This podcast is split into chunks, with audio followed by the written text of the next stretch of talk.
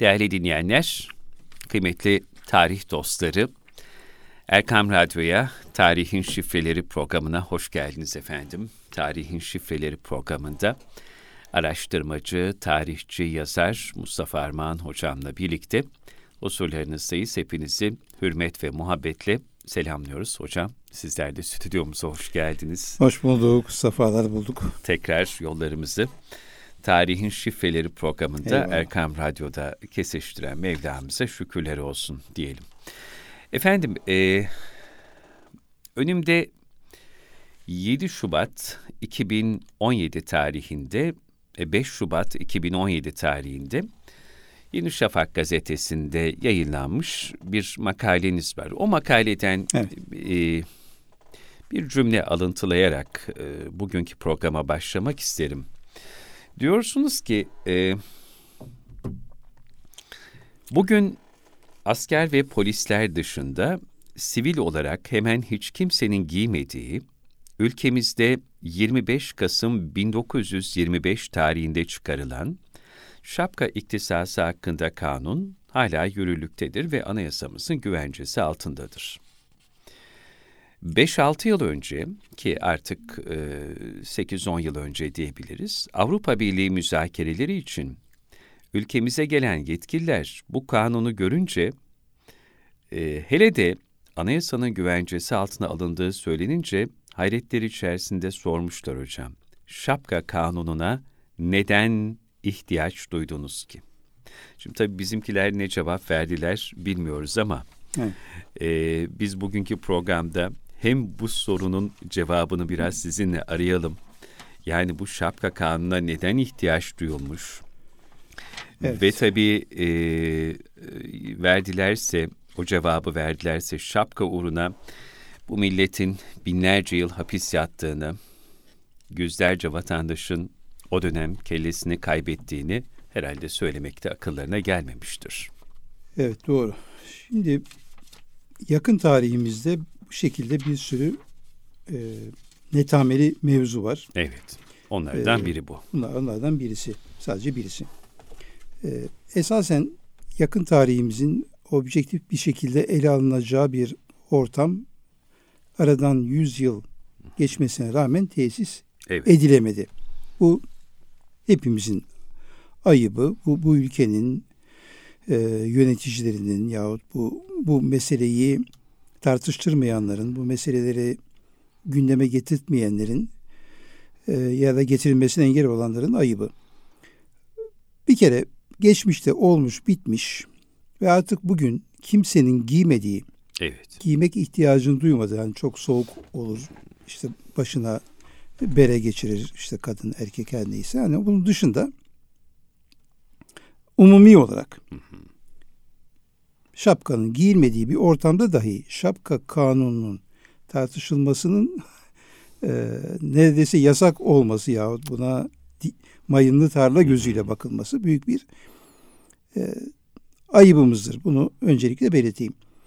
Şimdi e, bunu Avrupa Birliği Hı. müzakereleri sırasında Avrupa Birliği'nden gelen heyetlerle evet. bizim kanuni mevzuatımız, hukuki mevzuatımız ele alındı ve orada şapka iktisası hakkında kanun e, 671 sayılı kanun hala yürürlükte olduğu fark edildi.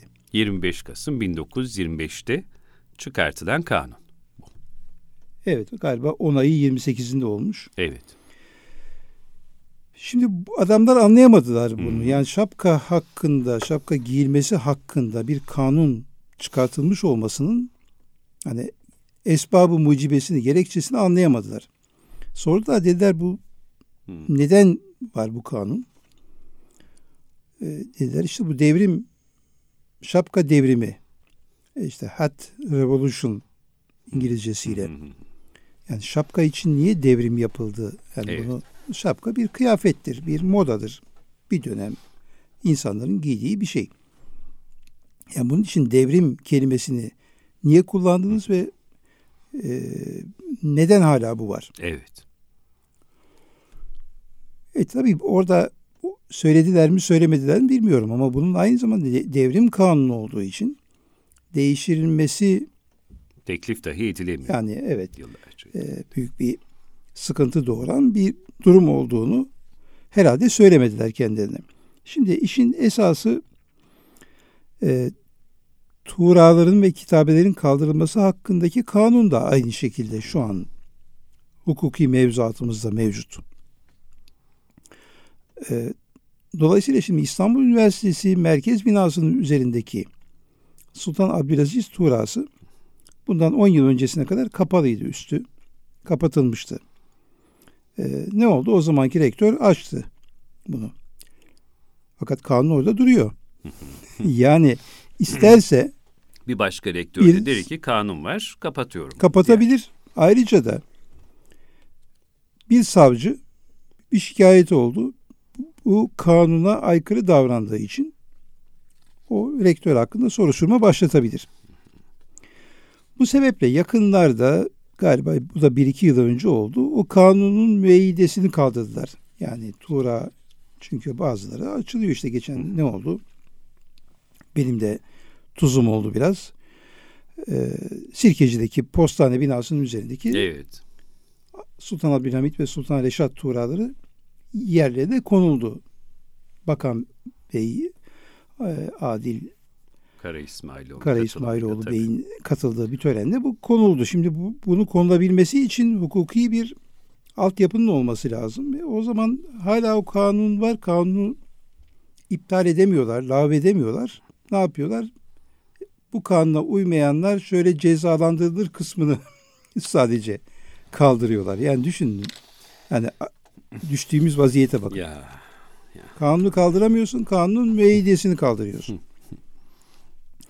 E, Dolayısıyla Avrupa Birliği heyeti büyük bir şaşkınlık içerisinde yani böyle bir şeyi niye şey yaptınız? İnsanlar giyer, bir so- dö- dönem sonra bunu değiştirirler, başka bir kıyafet giyerler, kasket giyer, çıkartır. Neyse yani dönem dönem insanoğlunun kıyafetleri değişmiş.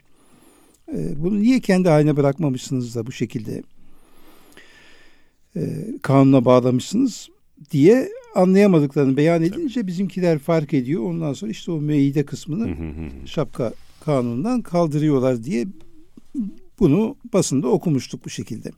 Şimdi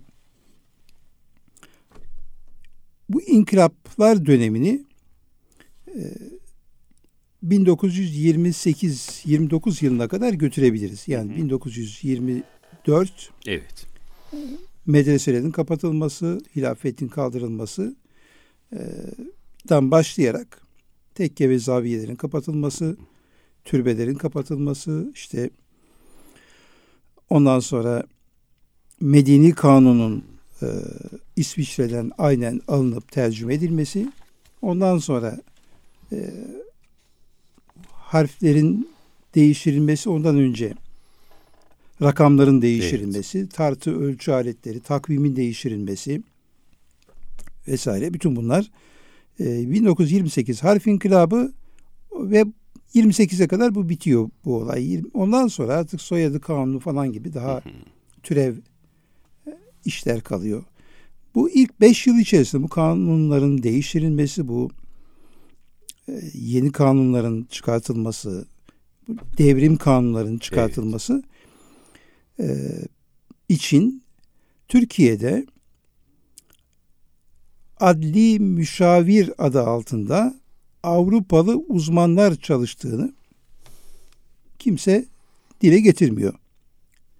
Avrupalı uzmanlar yani İspanya'dan, işte Fransa'dan, şuradan, buradan bu uzmanlar geldi. Devlet bunlara altın üzerinden maaş ödedi. Ve bunlar Bu adli, sözde adli müşavirler. Evet. Bu Lozan Antlaşması gereğiydi. Bakın Lozan'ın bir başka boyutu. Bu dile getirilmeyen bir boyut. Yani herkes sınırı mınırı konuşuyor ama bu adli müşavirler niye geldi? Niye onlara 5 yıl süre tanındı? Ve tam onlara tanınan süre inkılapların yapıldığı süreyle nasıl çakıştı? Demek ki bunlar o inkılapların yapılıp yapılmadığını kontrol maksadıyla burada şey yapıldı. Adeta bir müfettiş edasıyla takip Evet. ediyorlar. Ve maaşını da biz ödedik. Hani Evet, altın üzerinde. Fransa, İngiltere ödemedi. Ve onun kararnamelerini buldum ben. Yani o günkü bir milletvekilinin de belki 3-5 katı fazla bunlara maaş ödeniyor. Özel bütçeden para tahsis ediliyor. E, dolayısıyla Lozan'ın e, gereklerinden bir tanesi Türkiye'nin yeni bir hukuki ve e, sosyal koda geçirilmesi olduğunu anlıyoruz buradan. Yani bu adli e, müşavirler meselesi ayrıca bir adli beyanname var Rozan'ın arkasında. O adli beyannamede bunu da taahhüt ediyoruz. Evet bunların gelmesine biz razıyız gelsinler ve geldiklerinden sonra ne oluyor? Bütün bu hukuk reformları vesaire tamamlanıyor. 28 yılında en son 29'a kadar da sarkan e, işlerini bitiremedikleri için sarktığını tespit ediyoruz. Demek ki ilk e, 24-29 arasında yani Türkiye'de adeta müfettiş gibi yabancı hukukçular yahut işte gözetmenler mevcuttu. Dolayısıyla Türkiye'de yapılan bu inkılapların bir başka boyutunu burada öğrenmiş oluyoruz. Ee, bunların arkasındaki dinamiklerin neler olduğunu e, öğrenmeye çalışıyoruz. Şimdi ne demiştik bundan bir müddet önce? Osmanlısızlaştırma ve İslamsızlaştırma artı İslamsızlaştırma demiştik. Yani kavram üretmezseniz birçok bir şeyi sayarsınız, onu anlatırsınız, bunu anlatırsınız ama bunlar ez cümle ne demek, nasıl formüle edeceğiz diye bir model haline getirmezseniz e, dalgaları sayan hani Temel'in oğlu çok yaramazlık yapıyormuş. Git demiş dalgaları say. e, unutmuş da çocuğu orada. Akşam bir gitmiş çocuk işte artık şey 90 binlere falan çıkmış sayıyor. Hala sayıyor evet. Şimdi tarihçilik dalga saymak değil. O oldu, bu oldu, o oldu. Ne oldu? Şimdi bakın burada toplu iğne gibi başını dışarıda tutup olayların içine dalmadan kendini olayların içinde kaybetmeden düşünme kapasiteni kullanacaksın. Tarih budur. Şimdi Nihat Keklik Hoca Allah rahmet eylesin felsefe derslerine girerdim kendisinin. O öyle derdi. Dikiş iğnesi gibi kumaşın içinde kaybolmayın. Toplu iğne gibi dışarıda başınız dışarıda kalsın. Her mevzuya girin ama başınızı dışarıda tutun. E, istiklalinizi muhafaza edin çocuklar derdi. Şimdi burada da aynı şeyi görüyoruz. O tarihi Mehmet Genç Hoca'nın Allah rahmet eylesin ona da çok güzel bir tespiti var. Tarih çok fazla tarih okumak insanı aptallaştırır. Eğer okuduğunuz tarihi düşünme hmm. e, kapasitenize tercüme edemezseniz derdim. Tarih hakikaten milyonlarca olay var, evet. kitaplar var. Oku oku oku bir süre sonra artık o mu doğru bu mu da onun içinde dikiş iğnesi gibi kaybolup gidiyorsunuz ama ya bir dakika bunları okudum da bu, bundan hani okumaktan mana ne? Mahmurat niye ben bunu niye tabii. okudum? Buradan ne çıkıyor diye sormamız icap ediyor. İşte yani hep böyle bir arka planda e, aslında ne oldu, nasıl oldu, niçin evet. oldu bunların cevabını aramak. İşte siz de hep e, eserlerinizde, makalelerinizde evet. hep bu soruların peşine düşüyorsunuz. Aslında ne oldu sorusunun Aslında cevabını arıyoruz, buluyoruz sizin Onu, konuşmalarda. E, o cevabı veremediğin zaman evet. e, dinleyenler de bir neticeye ulaşamıyor. Sen ulaşamadıysan dinleyen nasıl ulaşsın? Şimdi sen kafanda berrak değilse bir meseleyi berrak bir şekilde anlatamazsın. Bu öğretmenliğin en basit kaidesidir. Kafanda net değilse öğrenci de net anlayamaz. Sen kendin kafanda bunları netleştireceksin. Burada da olan bu. Yani İslamsızlaştırma ve Osmanlısızlaştırma operasyonunun adımları olarak bunu değerlendirmiştik. Burada da ne vardı? Fes giyiliyordu. Ama sadece fes mi giyiliyordu Türkiye'de? Hayır, sarık. Sarık, bere, takke, buna benzer e, bir sürü Yemeni, yani Yemen derken ayaktaki Yemen evet. değil bir de başa e, takılanları var. E, belki o serpuçları saymaya kalksak yani Osmanlı başlıklarını e, 30-40 çeşit yani erkek başlığı olarak Kefiye'den tut da Güneydoğu bölgesinde e, Takke'ye kadar hepsini bir tarihi var. Onların da bir geliş tarihi var, bir kabul ediliş tarihi var ama esas olarak sarık ve fes. E şimdi burada bir hususu da aydınlatmamız gerekiyor. Efendim Osmanlı'da fes devrimi yapmadı mı? Fes de Osmanlı'ya sonradan gelmedi mi? diyor bazı aklı evveller.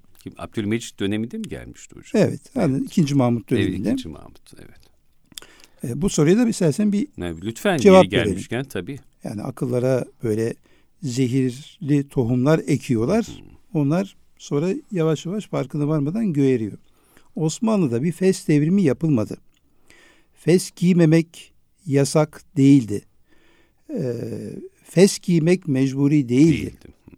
Me, bu askerler için getirildi. Cezayir'de, Tunus'ta, orada e, Fez şehrinde bunlar oradan çıkmıştı. Cezayir'de bunların giyilmesi yaygınlaştı. Osmanlı da oradan tabi Osmanlı vilayetiydi Cezayir neticede. Bir şey olarak geldi, hoşuna gitti. Askerlere bunun giyilmesi. Tamam asker şimdi ne emredilirse onu giyer. Yani evet. bugün asker kep giyiyor. Kep emredildiği için yarın öbür gün deseler ki kep giymeyeceksin işte subay şapkası giyeceksin. Onu giyer. Tabii. Askerin mecburdur. Yani itaat orada esastır. Ee, sonra bu biraz se- sevildi yani böyle vişne rengi başlıklar falan hani insanların Püskülü asker vesaire, deyince onları görmeye başladılar. Hoşlarına gitti. Ee, daha sonra bu Abdülmecit devrinde yavaş yavaş devlet memurları da bunu giymeye başladı ve devlet memurlarının da umumi giysisi haline geldi. Daha sonra halktan insanlar da yani bu şey olunca devlet İçlerinden memuru gelerek gibi ha yani tabii. kimse onlara giyeceksiniz, siz giymek mecburiyetindesiniz gibi bir şey halka dayatmış değil. Böyle devrim yok, evet. zorla giydirme diye bir olay yok. Öyle umumi bir şekilde geldi, yerleşti ve bu başlık e, Osmanlı'nın bir Osmanlı erkeklerin umumi bir şeyi haline geldi. Yani din adamı olmayan yahut işte e, sarık sarmayanların umumi bir başlığı haline geldi. Dolayısıyla burada e, şapka devrimi gibi bir devrim yok. Bir kanunu yok, bir bağlayıcılığı yok, bir zorlaması yok ya da bu, festen başka bir şey giymenin bir müeyyidesi, müeyyidesi yok. yok tabii. O isteyen Mecbur giyer, istemeyen giymez. Tabii.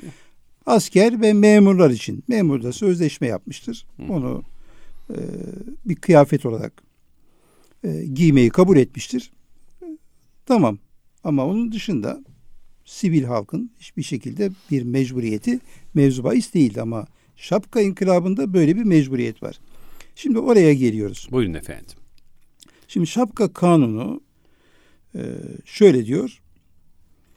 Önce birinci madde TBMM azaları yükümlü tutuluyor bir. Yani milletvekilleri. Evet. ile idare-i umumiye ve mahalliyeye yani mahalli ve idare i, i, i, genel yani bürokratlar diyelim biz e, belediyeler ve bürokratlar bunlara ve bir umum müessesata yani devlet kurumlarına mensup memurin milletvekilleri bir memurin iki ve müstahdemin müstahdemlerde memurlar ve müstahdemler. Evet. Türk milletinin giymiş olduğu şapkayı giymek mecburiyetindedir. Şimdi bu burada şey yapıyor. Fakat ondan sonraki cümle umumu e, kapsama Bağlı. alanına alıyor. Türkiye halkının da umumi serpuşu şapka olup buna münafi bir itiyadın devamını hükümet men eder. Şimdi bundan ne anlıyoruz? Yani herhalde Türkçe biliyorsak evet. bunu bugünkü dile çevirdiğimizde Türk halkının da genel başlığı şapka olup buna aykırı bir alışkanlığın devamını hükümet, hükümet engeller. engeller. Bu ne demek? Herkes bu umumi serpuşu, bu genel başlığı giyecek. Yani zorla, mecburen, evet. cebren bunu giydiriyorlar. Evet. Şimdi Osmanlı'da böyle bir şey yok ki. Ama burada var. Türkiye halkının umumi serpuşu şapkadır diyor. Bu kararda Şimdi, verilmiş. Evet. Burada bıraksa diyebilirsin ki yani umumi istisnai olabilir ama buna münafi bir itiyadın herhalde sigara itiyadından bahsetmiyor. Şapka giyme alışkanlığının ya da adetinin devamını hükümet men eder. İş bu kanun tarihi neşrinden itibaren muteberdir falan filan o bir, bir madde daha var. O da Büyük Millet Meclisi ve icra vekilleri heyeti tarafından icra olunur. Mesele anlaşıldı. Yani burada sadece Türkiye Büyük Millet Meclisi üyeleri, sadece memurlar, müstahdemler, değil. Askerler, o müesseselerde devlet müesseseleri olanlar değil. Türkiye halkının bakın. Türkiye halkı deyince herkesin olduğu anlaşılıyor. Umumi serpuşu şapka. Dolayısıyla burada bazıları işte o az önce bahsettiğim fes meselesinde ortaya atarak milletin kafasını karıştırmaya kalkanlar bu sefer efendim halkın giymesi mecburi değildi. Bu kanun ne? Bu kanun ortada. Ve uygulama da ortada. Şimdi onların örneklerini vereceğiz. uygulama da ortada. E o zaman e, bu kanundaki bu cümleyle uygulamada şapka giymemenin, şapka dışında başka bir başlık giymenin nasıl cezalandırıldığını, bunun idama kadar varan cezalarla e, mukabele gördüğünü okuyunca kaynaklardan ya bunların bazılarının İstiklal Mahkemesi'nde hı hı. Yani. yargılanıp işte en sembolü olan İskilipli Atıf e, Efendi. Tabii. İskilipli Atıf Hoca ama ondan ibaret değil. Tabii. Onun gibi daha yüzlerce e, e, insanın yargılandığını işte bunun e, 52 kişinin bir anda o protesto edenlerin idam edildiğini, işte hapis edildiğini, iş, görevden atıldığını, memurluktan atıldığını, e, sürgüne gönderildiğini bununla ilgili İstiklal Mahkemesi kitaplarında e, Ergun Aybaz'ın kitabında bile şeyler var. Bütün Şimdi, bunlar niçin oluyor? Şapka takmadığınız için. Şapka takmadın veya şapka giymek istemiyorum. evet. Sadece bu. ya çok enteresan. Bir bu ülke bağımsızlık savaşı verdi. Yunan'a karşı, İngiliz'e karşı, Fransız'a karşı bir bağımsızlık savaşı verdi. Niçin verdi? Hürriyetine kavuşmak için. Kendi istediği gibi yaşayabilmek için. Kur'an'ını okuyabilmek için, namazını kılabilmek için, ezanı Muhammedisini e, rahatça e, dinleyebilmek ve okuyabilmek için bunun için verdi. Ama şimdi kalkıp da burada o insanların dini hürriyetlerini ve giyim kuşam hürriyetlerini kısıtlamaya kalktığın zaman bu insanların tepki vermesi gayet normal. E bir demokratik yani bir cumhuriyette hani padişahlıkta olsa dersin ki padişahın emri var bilmem ne hani orada da öyle değil ama hani meclis yok bir şey yok. Hani evet. bu e, belki diyebilirsin ki halk ne yapsın ona uymaya mecbur ama burada ne oluyor? Cumhuriyet kurulan parti Halk Partisi. Şimdi nasıl Halk Partisi oluyor? Halka rağmen ona kafasındaki projeyi dayatan bir halk partisi olur mu? Halk partisi halkın sesi demek.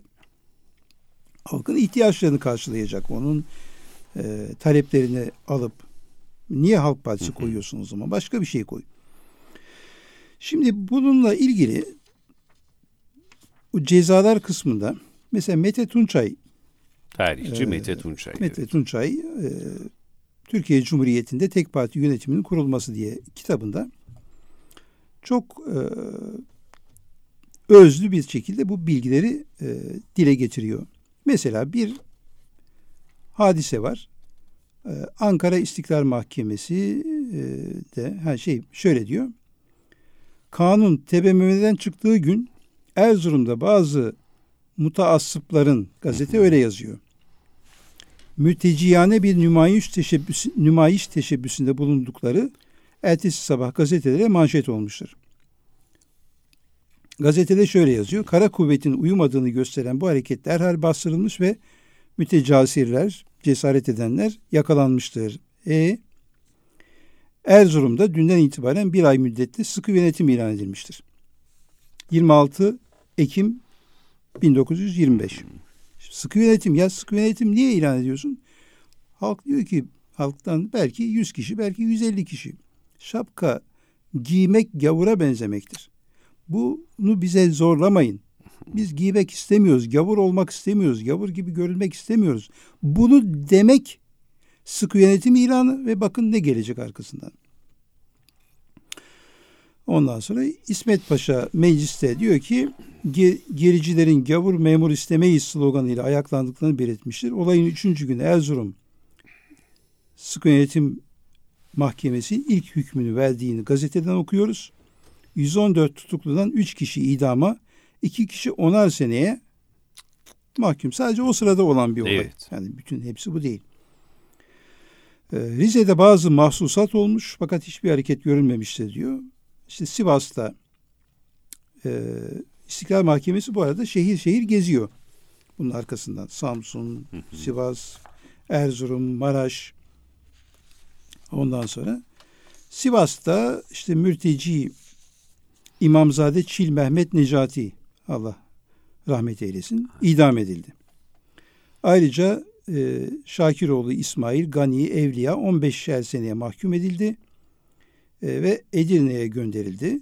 Sonra işte falanca falanca 10 seneye mahkum. Ya bunlar ne yaptı ya?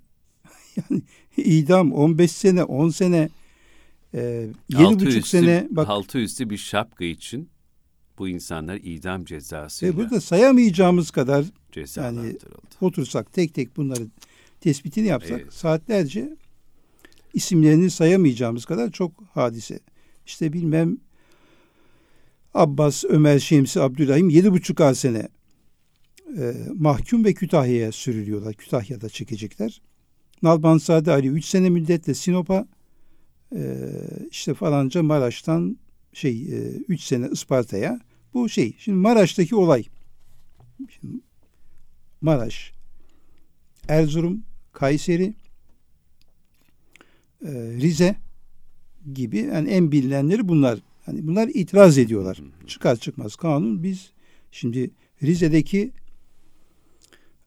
e, Pontuslardan, Rumlardan kendisini ayırt etmek için şapkaya tepki göstermiş. Onların elinden toprağını kurtarmak için ki Rize ve Trabzon'un kurtuluşu çok e, kanlı olmuştur. Yani o da e, tarih yazılmamış tarihimizin bir parçasıdır. Bunlar kahramanca binlerce Trabzonlu hayatını kaybetmiştir. Bunlar ne için şey yaptı? Bu şapka giyen o gavurlardan hmm. ayırt edilmek için ülkelerini, topraklarını kurtarmak için mücadele etti. E Maraş niye mücadele etti? Fransız gavurunun Tabii. şapkasını giymemek için, çarşafını kadınların tasalluttan kurtarmak için mücadele etti. 5000 civarında Maraş'ta şehit olduğu söyleniyor. Yani her evden birkaç tane ki biliyorsunuz İstiklal madalyası kanunu çıktığı zaman Maraş Valiliğine yazıyorlar Ankara'dan. Tespit edin orada İstiklal madalyasını hak edenlerin listesini bize gönderin. Cevap şu. Burada hak etmeyen yok ki. Allah Allah. Hak etmeyen Başta yok ki. Başta imam olmak üzere yani, efendim? Her evde bir, iki, üç bazı aileler yok olmuş. O zaman Maraş'a istisnai olarak şehre madalya veriliyor. Hmm. Yani İstiklal Madalyası'nın Maraş'a verilmesinin esbabı mucibesi bu. Şehrin kendisine veriliyor. Yani toptan hepsi bütün şehir İstiklal Madalyası'nı hak etmiştir manasında. Şimdi Maraş'ta şöyle. İşte askerin geldiğini gördük diyor. Bir görgü şahidi e, muhabire anlatıyor. Cami abluka edildi. Bir kısım ahali askerin gelmesi üzerine karşımızdaki sırtlara kaçmıştı. Halk Fırkası Reisi, CHP İl Başkanı Ziya Bey dedi ki bu kaçışanlar Bitlis muhaciri Kürtlerdir. Ortalığı karıştırarak çapulculuğa dökülmek isteyen bu güruh emellerine muvaffak olamamışlardır. Caminin damlarına çıkan Mehmetçiklerimizin vakur ve metin etbarı mülteciler üzerine derin bir tesir hasıl etmiştir. Askeri caminin damlarına çıkarıyorlar. camiden kaçamayan kaçamayanlar sıralanıyor. Çıkartıyorlar ve artık bacadan da girmeye başlamışlar demek ki. Bu sırada bir gürültü işitildi. Bir kapı kırılıyor. Oraya saklanmış olan mülteciler yakalanıyordu. Tabi o günün gazeteleri bunu bu şekilde yazmak durumundaydı. Cumhuriyet gazetesi 6 Aralık 1925. Cumhuriyet'in dili buydu. Evet. Devam ediyorum. Ee, bir anda bir silah sesi daha işitildi. Süngülü askerlerimiz arasından geçerek camiye girdim. Artık camidekiler teslim olmuşlar. Camide yakalananlar sıralanmışlardı. Saydım 39 kişi. İşlerinde Remzi isminde bir ihtiyat zabiti de varmış. Yedek subay. Ondan sonra neyse o şey konuşuyor belediye başkanı. İrtica hadisesinin kahramanı olan İmam Vekili İbrahim yakalanmıştı. Refiki şenaati olan müezzin Hafız Mehmet de tutuklular arasındaydı diyor. Ve buradaki kişiler e, idama mahkum edilenler işte Hafız Mehmet e, ondan sonra aynı zamanda imam olan e, kişi onlar yakalanıp İstiklal Mahkemesi'nde yargılanıp idam ediliyor. Rize'de Potemya mıntıkasında hı hı. İmam Şaban ile Muhtar Yakup Ağa ve rüfekası civar köyler halkını Ulu Cami'de toplantıya davet ve öteden beri şekavetle mağlup birçok eşirayı, şerlileri silahlarıyla celbetmişlerdir. Halk bunu umumi dua toplantısı sanarak gelmiştir. Fakat sonradan toplananlar jandarma karakolunda basarak altı jandarmayı esir almışlar ve Rize'yi yağmalamayı tasarlamışlardır diyor. Haber gazetede bu şekilde geçiyor. Ondan sonra İstiklal Mahkemesi hızlı bir yargılamayla 14 Aralık 1925 günü 143 sanıktan 8 kişiyi idama, 14 kişiyi 15'er yıl, 22 kişiyi 10'ar yıl, 19 kişiyi 5'er sene hapse mahkum ediyor ve bu asılanların resimleri de 30 Aralık 1925 tarihli Cumhuriyet Gazetesi'nde e, resimleri yayınlanıyor. Bunlar Hacı, Hoca Şaban, Yakup Çavuş, Hasan Ağa, Bekçi Kadir Ağa, Peçelioğullarından Mehmet, Kamburoğlu Mehmet, Tarakçı Sabit, Peçelioğlu Aslan Çavuş. Şimdi bunlar niçin idam edildi? Şapka giymek istemiyoruz. Ya bir demokratik bir ülkede ya da cumhuriyetle idare edilen bir ülkede bir insan ben bunu giymek istemiyorum diyemez mi? Bundan ben, tabii ne var? Osmanlı'da bile kurban olsunlar Osmanlı'ya. Hristiyan Hristiyan şapkası giyer. Yahudi Yahudi şapkası giyer. Ermeni Ermeni şapkası giyer. Kimsenin kıyafetine sen şunu giyeceksin, bunu giymeyeceksin. Zorlaması yapılmış mı ki bu padişahlık devri. Hani şimdi diyorlar mı? Cumhuriyet halkın kendi kendini idare etmesi. Hani kendi kendini idare etmesi?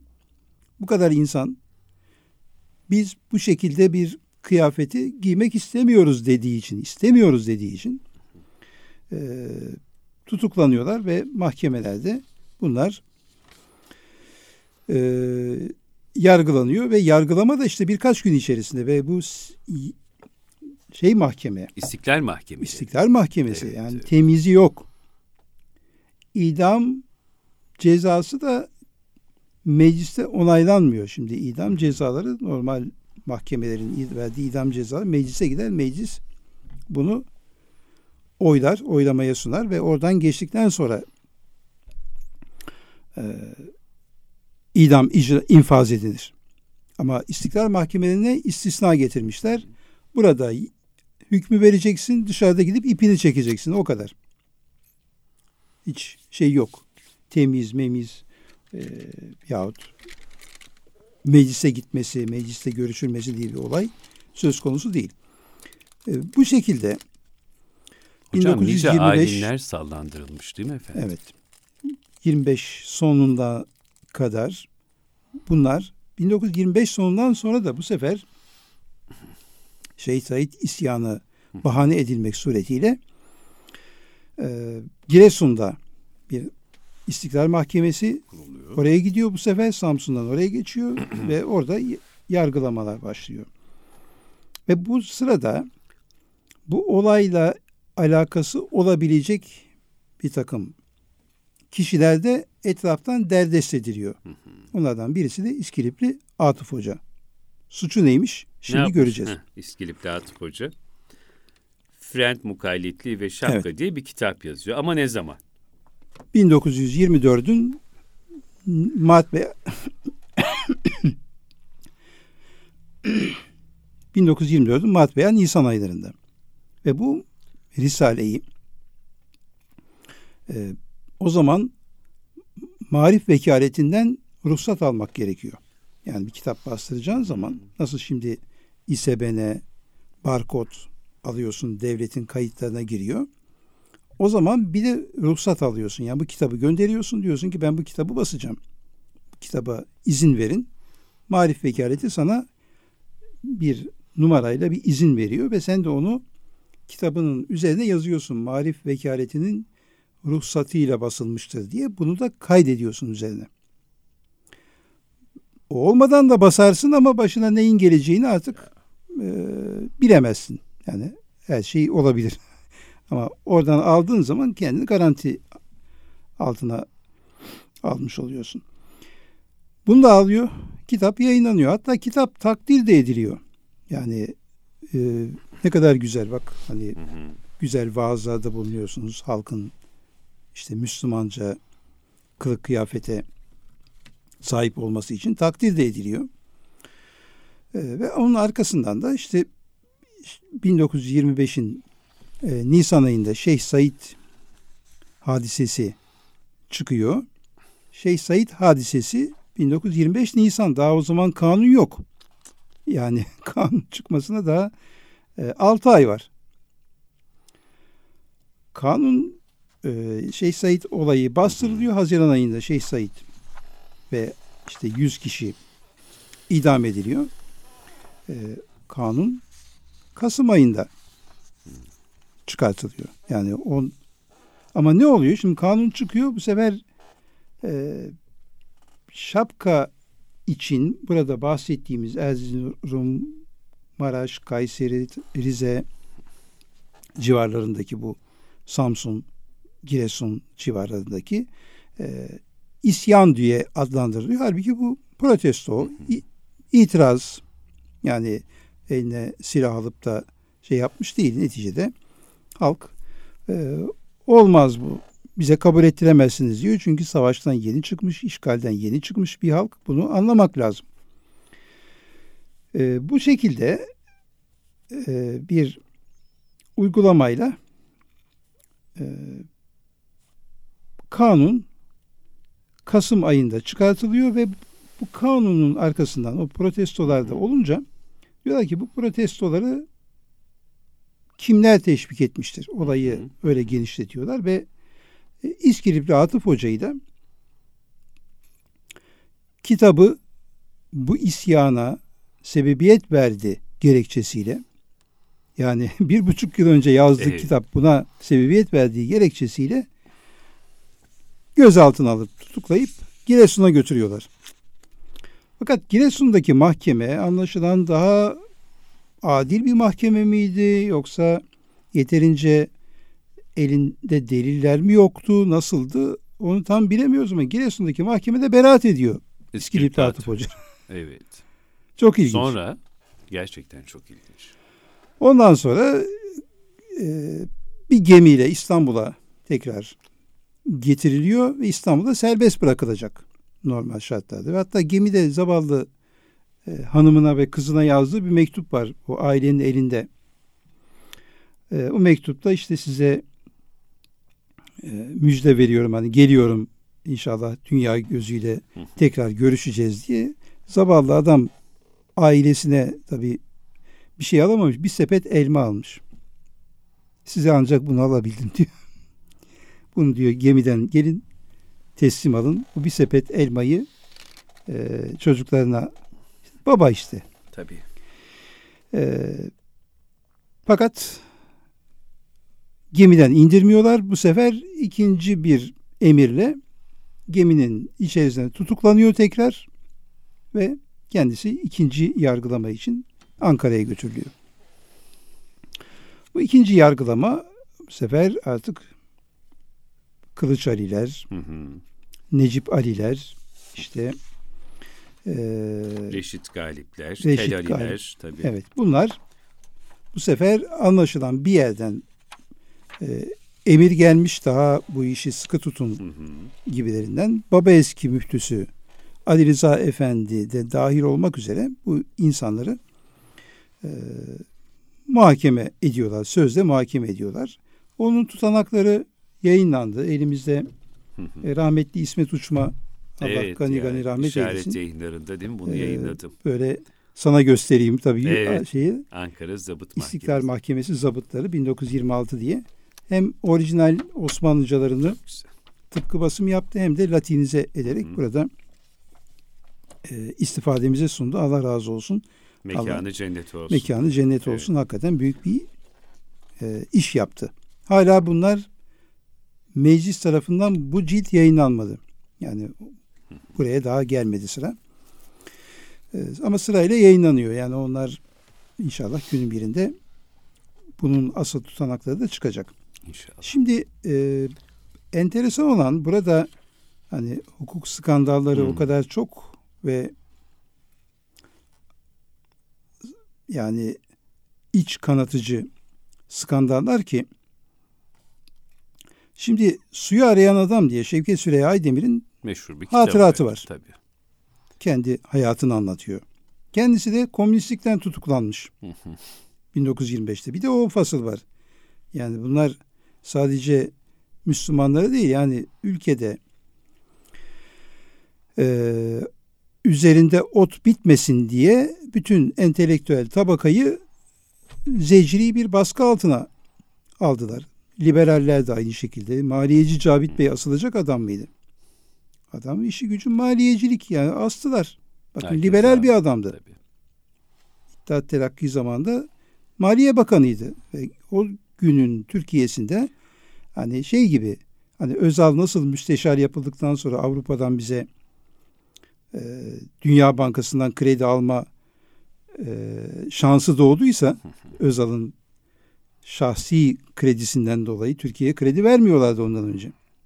Battınız siz diye ama Özal devreye girdi. Özal gelince İşin rengi değişti. tabii. krediler açıldı. Maliyeci Cavit de öyleydi. Devlete güvenmiyorlardı, ona güveniyorlardı. O da hakikaten bu işi iyi bilen bir şeydi, bir liberal bir adamdı. E onu da astılar. Şimdi e, Şevket Süreyya diyor ki tutuklandım ben mahkemeye gidiyorum diyor. İki tane jandarma ile birlikte mahkemeye gidiyorum. Yukarıdan diyor bir hoca sonradan Atıf Hoca olduğunu anladım diyor. Hoca diyor mahkemeden mahkeme salonundan çıktı ağzında kıpır kıpır dua okuyordu diyor. Yine iki jandarmanın arasında o, o çıkıyor ben giriyorum diyor şey. Mahkemeye. Bu sırada diyor onun arkasından bir şey çıktı bu Kılıç Ali Ee, ve Kel Ali bunlar çıktı diyor.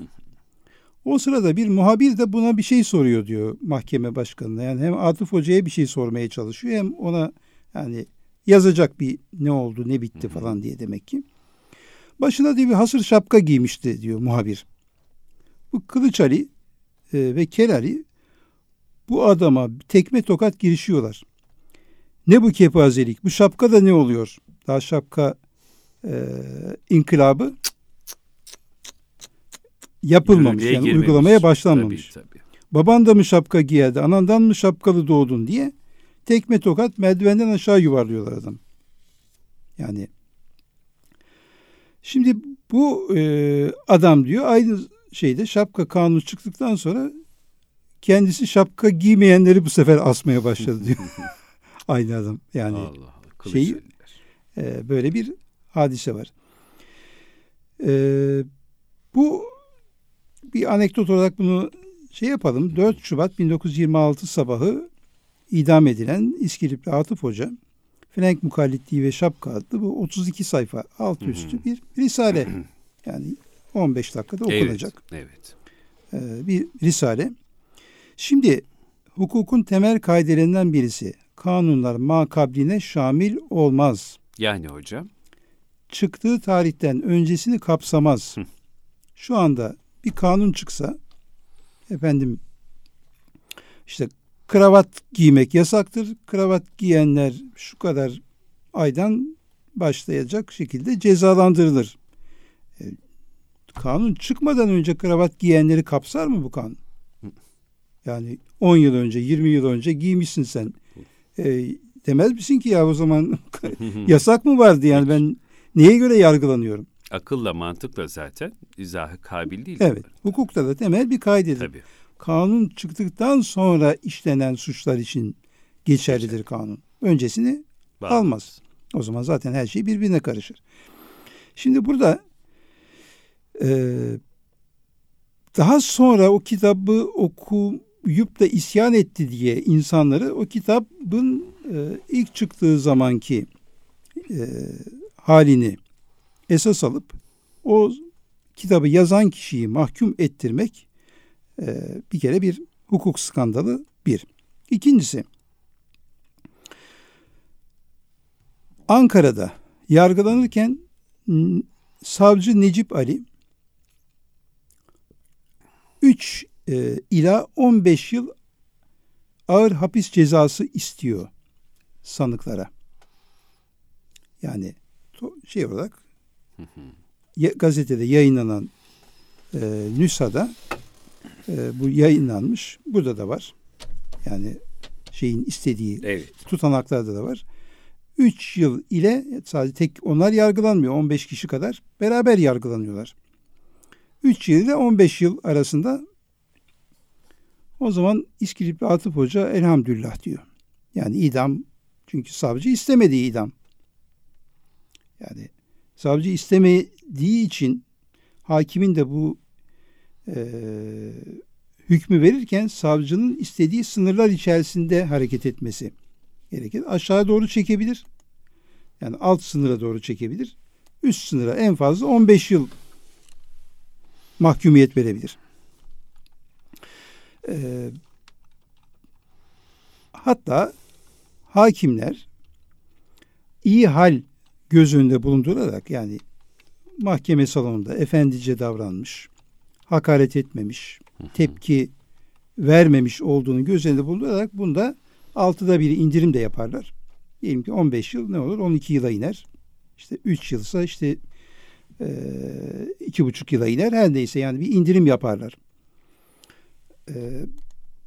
Ve burada en fazla yani savcının çünkü savcı elindeki delillere göre bir ceza istemiştir. Kanunun gerektirdiği cezayı istemiştir. Hakim bakar hani verse verse en üst şeyi verir. Cezayı verir. 15 yıl. Bunun aksinin olabilmesi için ancak süper bir belgenin bulunması yani bütün mahkemenin akışını değiştirecek bir belgenin son anda bulunması ve mahkemeye ibraz edilmesi ve dosyaya girmesi gerekirdi. Halbuki bir gün önce gazetede yayınlanan bu şeyin arkasından ertesi gün mahkemede hiç böyle bir ekstra belge söz konusu edilmedi ve neticede savcının dahi istemediği bir cezayı 15 yıl hapis cezası en fazla verebilecekken idam cezasıyla Ali Rıza Efendi ile Atıf Efendi şey yapıldı. Burada Ne zaman? evet bu 4 Şubat 1926'da. 26. Şimdi e, bunun üzerinde çok e, ayrıntılı bilgiler de verebiliriz belki ama şu kadarını söyleyelim. Şimdi İskilipli Atıf Hoca için atılan iftiralardan bir tanesi o da son zamanlarda yayıldı. Efendim e, aslında o şapkadan dolayı değil İstiklal Savaşı aleyhine. Aleyhinde bir bildiri yayınlamıştı Teali İslam Cemiyeti adına. Vatana ihanetten idam edildi. Şimdi savunamadıkları için bir şapkadan dolayı bir adamın asıldığını e, bugünkü insana izah edemeyecekleri için asla izah edemeyecekleri için ne yapıyorlar? Yani oradan tutturamıyorlar. Tabii ki bir vahşet bu, bir ba- barbarlık. E, yok o İstiklal Savaşı yıllarında Yunan uçaklarından atılan bildirinin altında imzası vardı. Ondan asıldı. Yalanın hani Daniskası. şimdi yalan nedir? Kendine göre bir e, hakikatin dışında yeni bir yapı kurma teşebbüsüdür. Yani sen hakikati bırakıyorsun, o bir gece kondu kurmaya çalışıyorsun. Evet. Şimdi bunun e, ayakları üzerinde dur- durabilmesi için bir yalan söyledin.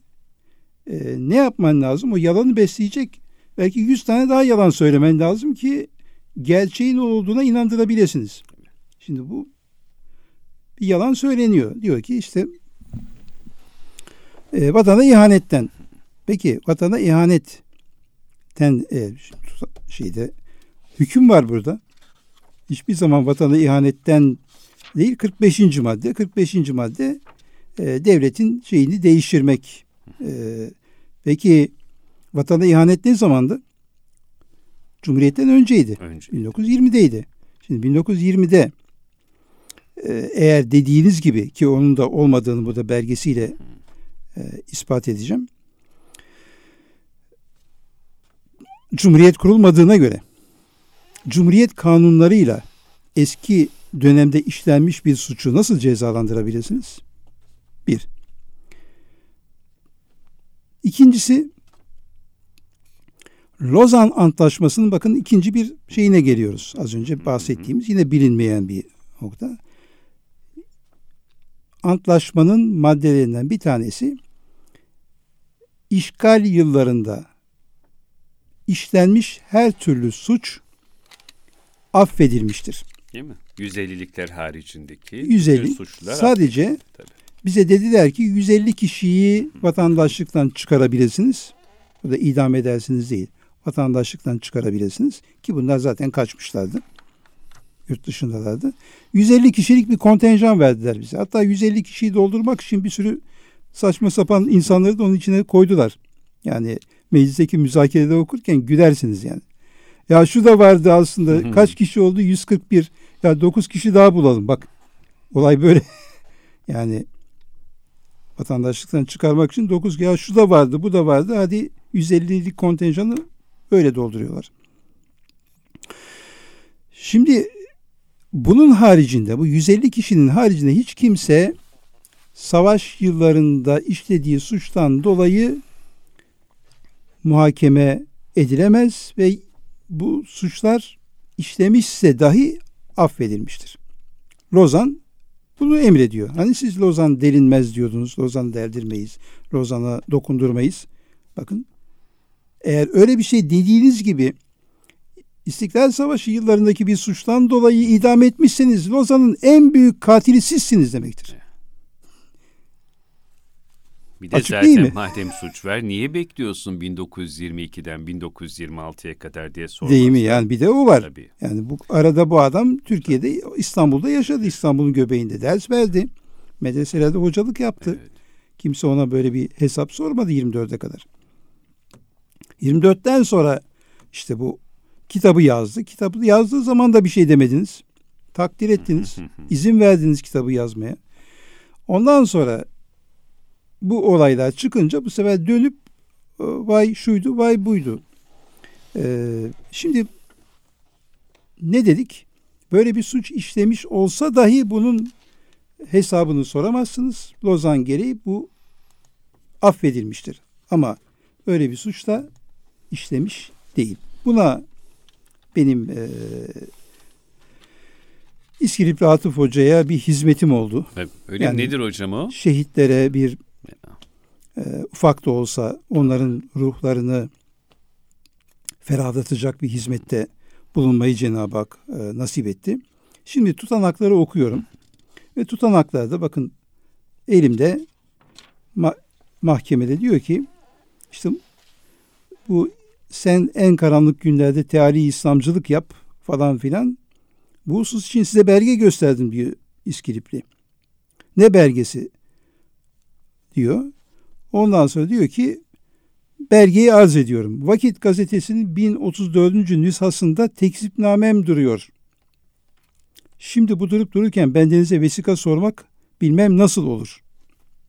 Tekzipname ben bunu şimdi orada yakaladım. Gazetenin de numarasını vermiş ya 1034. sayı. Vakit gazetesinin külliyatına girdim koleksiyonuna. Arıyorum, arıyorum. Gazeteyi buldum. 1034. sayı da buldum. Fakat Tekzip öyle bir tekzipname bulamıyorum. Ya bana dert oldu Selahattin'ciğim. Yani bu adam bunu bir alim olarak çünkü orada ibraz ediyorum diyor. Bakın diyor bu gazete bunu size cebinden çıkarmış. Zavallı onu koymuş herhalde cebine. İbraz ediyorum size diyor belge. Bu haber çıktığı zaman yani Yunan tayyarelerinden efendim e, uçaklarla Teali İslam Cemiyeti'nin bildirisi atılmıştır. Haberi çıktığının ertesi günü ben bunu tekzip ettim diyor. O tarihte tekzip ettim. Böyle bir şey yok dedim diyor. Şimdi bu bana dert oldu. Ya dedim bu şey gazeteyi okuyorum yok. Oraya bakıyorum yok. Büyütüyorum yok işte falan. Böyle gece yarısı belki saat 2 idi, iki buçuktu ama böyle yani İskilipli Atıf Hoca adeta böyle içime hulul etti yani. Ruhaniyeti gelmiştir. Ortaya çıkart diye sanki böyle bir Allah ilham Allah. şey yaptı. Artık bütün gazeteyi ki resim yok gazetede. Sadece yazı, küçük küçük yazılar. Onları böyle pertavsızla büyüte büyüte okuyorum. En arka sayfanın en dibinde şeyi buldum. Böyle okurken Tekzipnameyi buldum. Elhamdülillah dedim. Tekzipnameyi buldum. Ve bunu yayınladıktan sonra İskilip'teki insanlar, e, İskilip ve Atıf Hoca'yı sevenler o kadar dua ettiler ki Allah bana. Allah razı olsun size. Daha o zamandan tekzip ettiğini yani şeyden mahkeme safhasında değil o zaman kıymeti orada. Ve ben bunu internete de verdim. Bizi dinleyenler oradan bulabilir. Twitter hesabında defalarca bunu yayınladım. Her fırsatta da yayınlıyorum. Yani bir kere daha bir kere daha insanların dünyasına girdin. Şimdi tekzipname şu. Ee, Teali İslam Cemiyeti'nden o zaman ikinci başkanı İskilip Atıf Hoca. Mustafa Sabri birinci başkanı. Vakit gazetesinin 1032. 32 numaralı e, nüshasında Teali İslam Cemiyeti'nin beyannameleri ünvanlı bir fıkra gördük. E, cemiyetimizin tesisinden beri vuku bulan neşriyatının mührü resmi ile tahdimi müttehazı usul cümlesinden olmalı. Resmi mühürle mühürlenmesi bizim beyannamelerimiz için benimsediğimiz bir usuldür diyor. Altına mührümüzü basarız. Evet. Cemiyetin mührünü. Mührü resmi ile mahtum olmayan neşriyatın resmi mühürle mühürlenmemiş olan neşriyatın teari İslam cemiyetine taalluku bulunmadığı, ilgisi bulunmadığı ve cemiyetin İstanbul gazetelerinde münteşir beyannamelerinden maada risale şeklinde ve suberi sairede diğer şekillerde hiçbir beyanname neşretmemiş olduğu beyan olunur.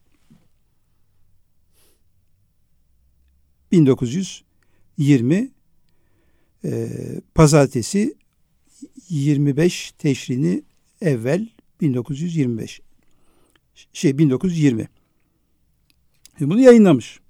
Teari İslam Cemiyeti'nin böyle bir bildirisi yoktur. Yoktur evet.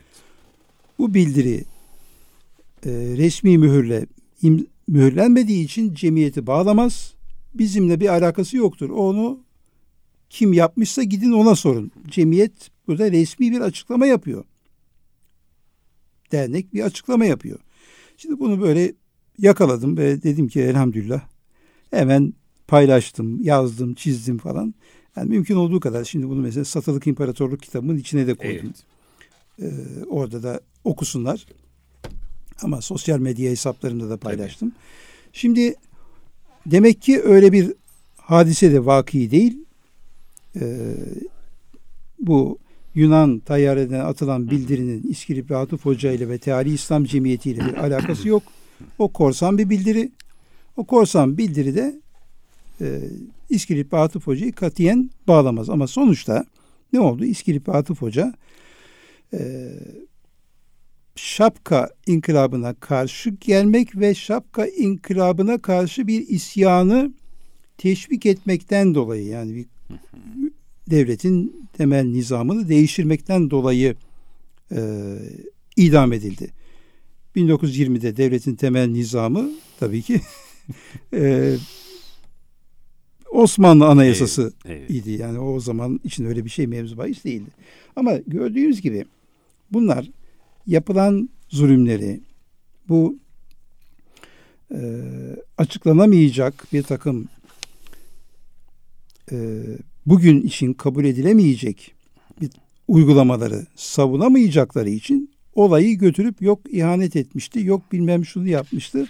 Bugünkü insanlara sanki bir gerekçe sunuyormuş gibi bunu e, yazabiliyorlar. Biz de bunları işte dilimiz döndüğü kadar doğrusunu anlatmaya gayret ediyoruz. Evet aslında hocam e, siz de 2011 yılında bundan 10 yıl önce e, İskilip'te Atıf Hoca şapka için idam edilmedi mi başlıklı yazınızın sonunda da e, haklı olarak soruyorsunuz. Atıf Hoca'nın milli mücadeleye karşı fetva verdiği için asıldığı yalanına yapışanlar, bununla farkına varmadan istiklal mahkemelerinin hukuk dışı ve siyasi mahkemeler olduğuna kendilerinin de inandığını söylemiş oluyorlar.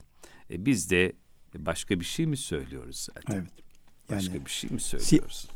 Si- siyasi mahkeme tabii, oldukları tabii. E, açıkça ortada. E, bunu Mete Tunçay az önce bahsettiğim gibi ki kendisi sosyalist dünya görüşüne evet.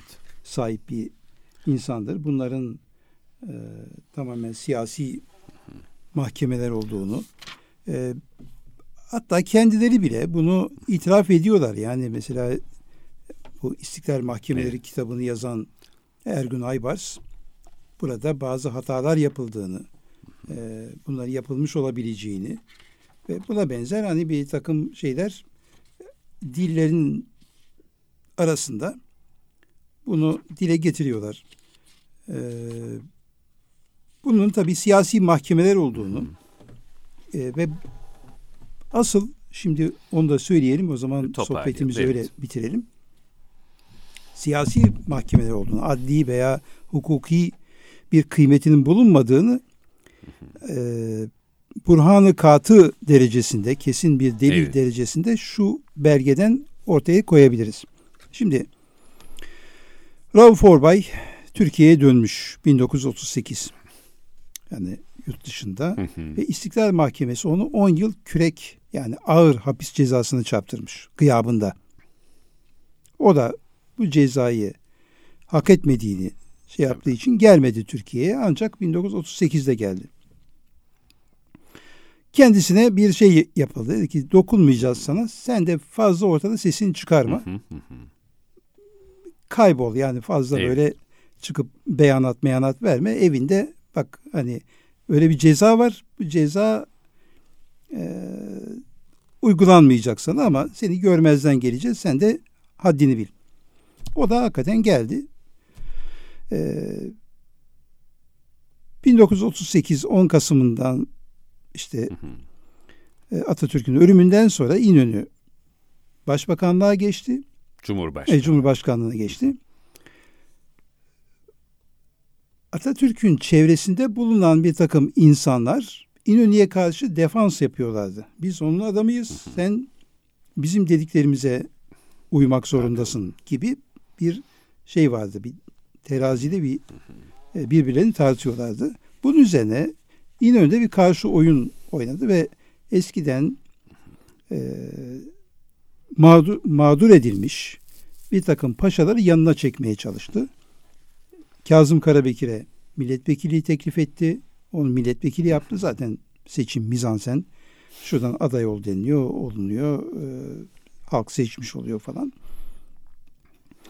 E, Rauf Orbay'a da teklif etti. Hmm. Dedi ki seni Halk Partisi'nden milletvekili yapacağım.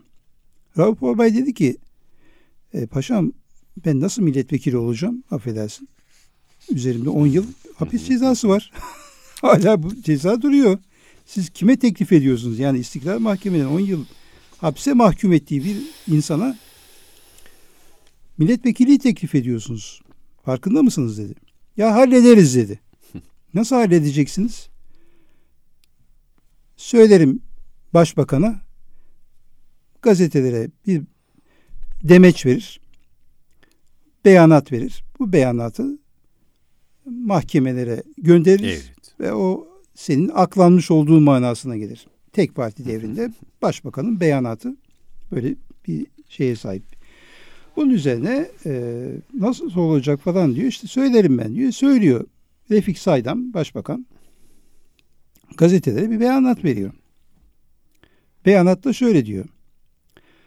Aradan af kanunları falan filan çıktı. O zamandan bu yana evet böyle bir ceza verildi. İstiklal Mahkemesi böyle bir ceza vermişti Rauf Bey'e. Fakat arada af kanunları çıktı. Şu oldu bu oldu. Ee, ve bugün e, iade muhakeme yani yeniden yargılanması mümkün olsaydı dahi böyle bir cezayı almayacağından e, milletvekili olmasında bir mahsur yoktu. Yani yeniden yargılansa bu cezayı ama orada katiyet ifade eden bir şey kullanıyor. Yani muhakkak bir şekilde bu cezayı almayacağından diyor. Şimdi Rauf Orbay burada Şafak atıyor tabii. tabii çok acı bir şey. Çok. Peki diyor ben o 10 yıl hapis cezasını çekseydim ne için çekmiş olacaktım? Yani siz İstiklal Mahkemesi'nin adaleti nerede kaldı? Nerede kal? Bir Olmayan başbakanın adalet. şeyiyle bu e, zaten yargılansaydı, yeniden yargılansaydı kesin olarak beraat edeceğinden diyorsun. O zaman ben 10 yıl niçin yatmış olacaktım? Bunun arkasından şunu da soralım. İdam edilseydi niçin idam edilmiş olacaktı? İdam edilenler niçin idam edildi? Demek ki 10 yıl sonra 1938'de bu şeyler geçerli olmayacağı Evet. bir meseleden dolayı İskilipli Atıf Hoca dahil o değerli e, ilim adamları, o ehli hamiyet, o milletin e, irfanını, milletin ruhaniyetini temsil eden insanlar Tabii. sebepsiz yere, haksız yere e, katledildiler. Artık Evet, bunun tam olarak. budur. Şimdi bu belge bence çok mühim. Yani herkes bu belgeyi gazetelerden, şuradan buradan ben buldukça paylaşıyorum. Ve gazetelerde yayınlanıyor. Anadolu Ajansı yayınlıyor. Bunun üzerine milletvekili yolu açılıyor. Rauf Orbay çok temiz bir insan olduğu için de temiz nasiyeli bir insan olduğu için askeri yargıtaya gidiyor. Kendisini bir de oradan aklattırıyor. Askeri yargıtaydan e, karar çıkartılıyor ve yine aynı şekilde o zaman şartları öyleydi. Şimdi böyle falan diye e, aklanıyor. Ahmet Kaya'nın bir şarkısı var. Başım belada ve şarkının bir yerinde şu geçer hocam. Siz anlatırken böyle zihnimde e, söz dönüp dönüp dolaşıyor. Nereden baksan tutarsızlık, Evet. nereden baksan tutarsızlık, nereden baksan ahmakça. Başım belada diye yani tam Evet. olarak bu. İşte o belaya girenlerin Ah, haddi hesabı yok. Ah. Ee, Nurettin Paşa'dan bahsedecektik. O kaldı. Şapka iktisası hakkındaki kanuna Evet. mecliste itiraz eden tek kişi. tek kişi. Bir başka program. Kudramare kahramanı Ka- kendisi. Selman-ı Pak'ta İngilizleri yenen kahraman. Orada kalkıp halka bunu giydiremezsiniz. Evet. Tamam memur ve asker olabilir. Ama halka bunu giydirmek insan haklarına, anayasaya, işte kanunlara aykırıdır. Bunu kabul ettiremezsiniz dedi. Bir hücum ettiler adama. Milletvekilliği bitirildi ve evine kapandı. Ondan sonra bir daha sokağa çıkamaz hale getirildi. Evet. Şimdi bu dönemi böyle bu kadar anlatalım. Ee, geri kalanını hani azımızı çok görsünler. Tabii, hani ancak bu kadarını anlatabildik. Tabii.